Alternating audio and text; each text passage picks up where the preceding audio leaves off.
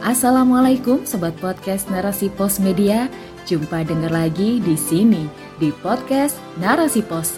Cerdas dalam literasi media, bijak menangkap peristiwa kunci.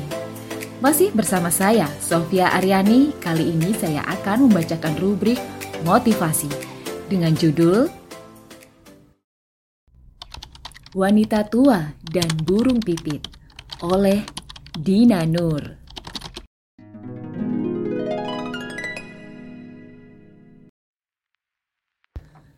Pagi baru saja menyapa. Seekor burung pipit tengah asyik mematuk beras yang berserakan di teras sebuah rumah. Sesekali ia bersuara. Tak berapa lama kemudian, beberapa kawanannya menghampiri dan ikut memakan beras bersamanya. Burung-burung itu tidak dipelihara, melainkan hidup bebas.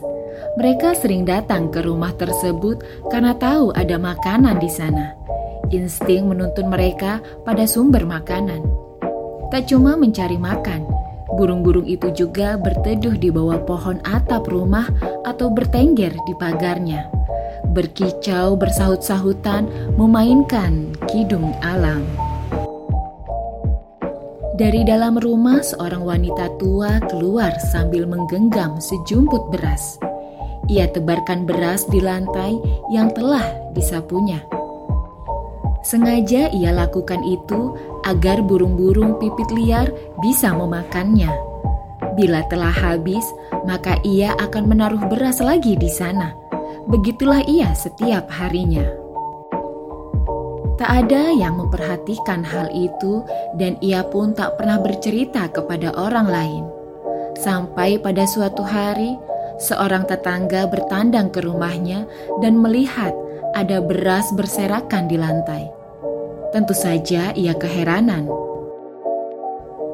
Burung-burung itu biasa ke sini untuk mencari makan.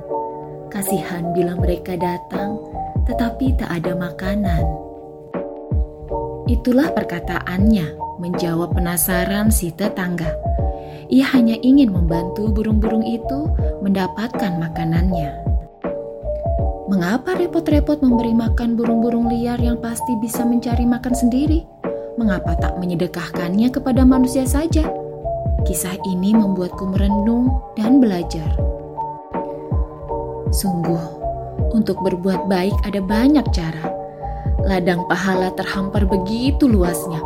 Bukankah burung-burung itu juga makhluk Allah yang layak mendapatkan bantuan? Siapa yang tahu jika itu kelak bisa menjadi jalan mulus ke surga? Allah yang maha mengetahui atas niat dan amal setiap hambanya. Pertama-tama, sebagai manusia beriman, kita meyakini bahwa Allah adalah Sang Pencipta. Setiap makhluk diciptakan dalam bentuk terbaiknya masing-masing. Allah telah menciptakan kedua sayap burung yang bisa membawanya terbang ke mana pun mau untuk menemukan makanan. Allah juga berikan makhluk itu naluri untuk bertahan hidup. Begitu pula dengan manusia. Allah ciptakan dengan segala potensi dan naluri yang melekat padanya untuk mempertahankan diri. Burung dan manusia memang berbeda, meskipun sama-sama makhluk Allah sama-sama mempunyai naluri, namun burung sebagaimana hewan lainnya tak berakal. Tentu ia tak mampu berpikir. Ia bertindak sesuai dengan nalurinya. Burung tak bisa membedakan mana yang dihalalkan dan mana yang diharamkan. Ia bisa mencari makan di mana saja, termasuk mengambil padi di sawah. Baginya, itu adalah makanan untuk bertahan hidup. Ia tak tahu bahwa harus meminta izin terlebih dahulu sebelum mengambil kepunyaan orang lain. Makanya, kita tak perlu marah bila ia mencuri milik kita. Berbeda halnya dengan manusia, ia memiliki akal yang dengannya bisa berpikir, memilih dan memilah mana yang baik dan mana yang buruk. Dengan akalnya, manusia bisa mencari jalan keluar permasalahan sesuai yang diinginkan Sang Pencipta. Ia tahu ada aturan yang seharusnya dipatuhi agar kehidupan berjalan tertib. Perbuatan manusia bersandar pada hukum yang Allah tetapkan, bukan sembarangan, bukan tanpa tujuan, bukan sekadar karena kasihan. Manusia bertindak atas dorongan suatu pemikiran, bukan semata memuaskan hasrat dan perasaan.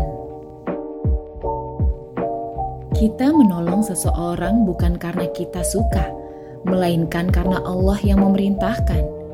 Kita memberi sedekah bukan karena supaya rizki menjadi lancar, melainkan karena Allah menyukai hamba yang berinfak di jalannya. Berbuat baik bukan karena mengharap pujian, penghargaan, imbalan, atau apa pun dari manusia, tetapi demi Allah semata semua dalam rangka ibadah. Pahala dan ridhonya menjadi satu-satunya tujuan hamba yang beriman. Bersedekah merupakan salah satu cara manusia beribadah kepada Sang Kholik. Sedekah tak hanya diberikan kepada manusia saja, tetapi bisa ke hewan yang ada di sekitar kita. Jika kita mampu memberi bagian dari rizki kita kepada mereka, mengapa tidak? asalkan semua sesuai tuntunan syariat dan diniatkan karenanya. Rezeki telah ditetapkan secara adil oleh Allah, tidak tertukar antara kepunyaan seseorang dengan yang lainnya. Burung terbang mencari rizki, cecak di dinding mendapat makanan dengan menangkap serangga-serangga kecil yang berterbangan sehingga ia pun menjadi kenyang. Cacing yang terkubur di dalam tanah juga mendapatkan makanan dari daun-daun yang berguguran dan mikroorganisme. Allah telah menjamin rizki setiap makhluknya tanpa terkecuali. Semua mendapatkan bagiannya dari Allah Ta'ala, sebagaimana yang tertulis dalam Al-Quran Surah Hud ayat 6 dan tidak ada suatu binatang melata pun di bumi, melainkan Allah yang memberi rizkinya. Dan dia mengetahui tempat berdiam binatang itu dan tempat penyimpanannya. Semuanya tercatat dalam kitab yang nyata, Lauhul Mahfuz. Begitu pula dengan manusia yang telah ditetapkan rezekinya sejak di Lauhul Mahfuz. Melalui berbagai cara yang sesuai dengan panduan syariat, manusia berikhtiar menjemput rezeki, bekerja dengan kedua tangannya sendiri, atau mendapat pemberian dari orang lain merupakan jalan rezeki datang.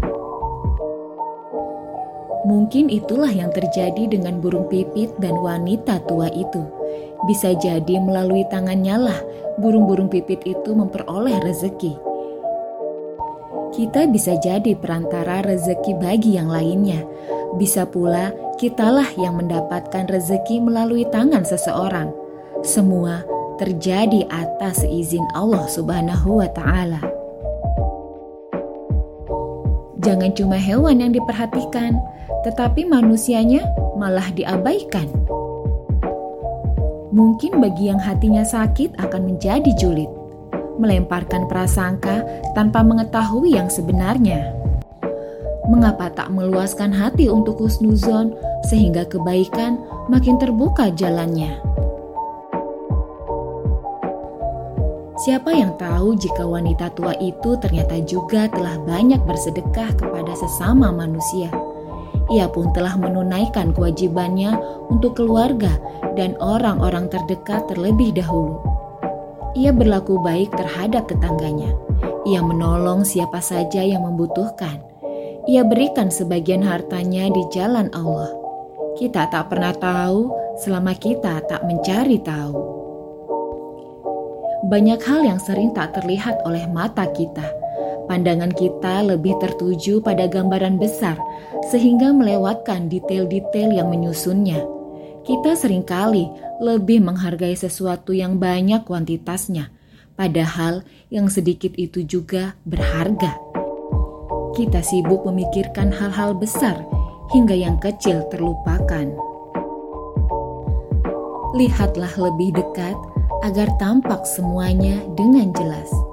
Jernihkan hati dan pikiran supaya mampu menilai ketulusan. Mulailah cita-cita hebat dengan langkah kecil dan pasti. Ambillah setiap kesempatan untuk beramal akhirat.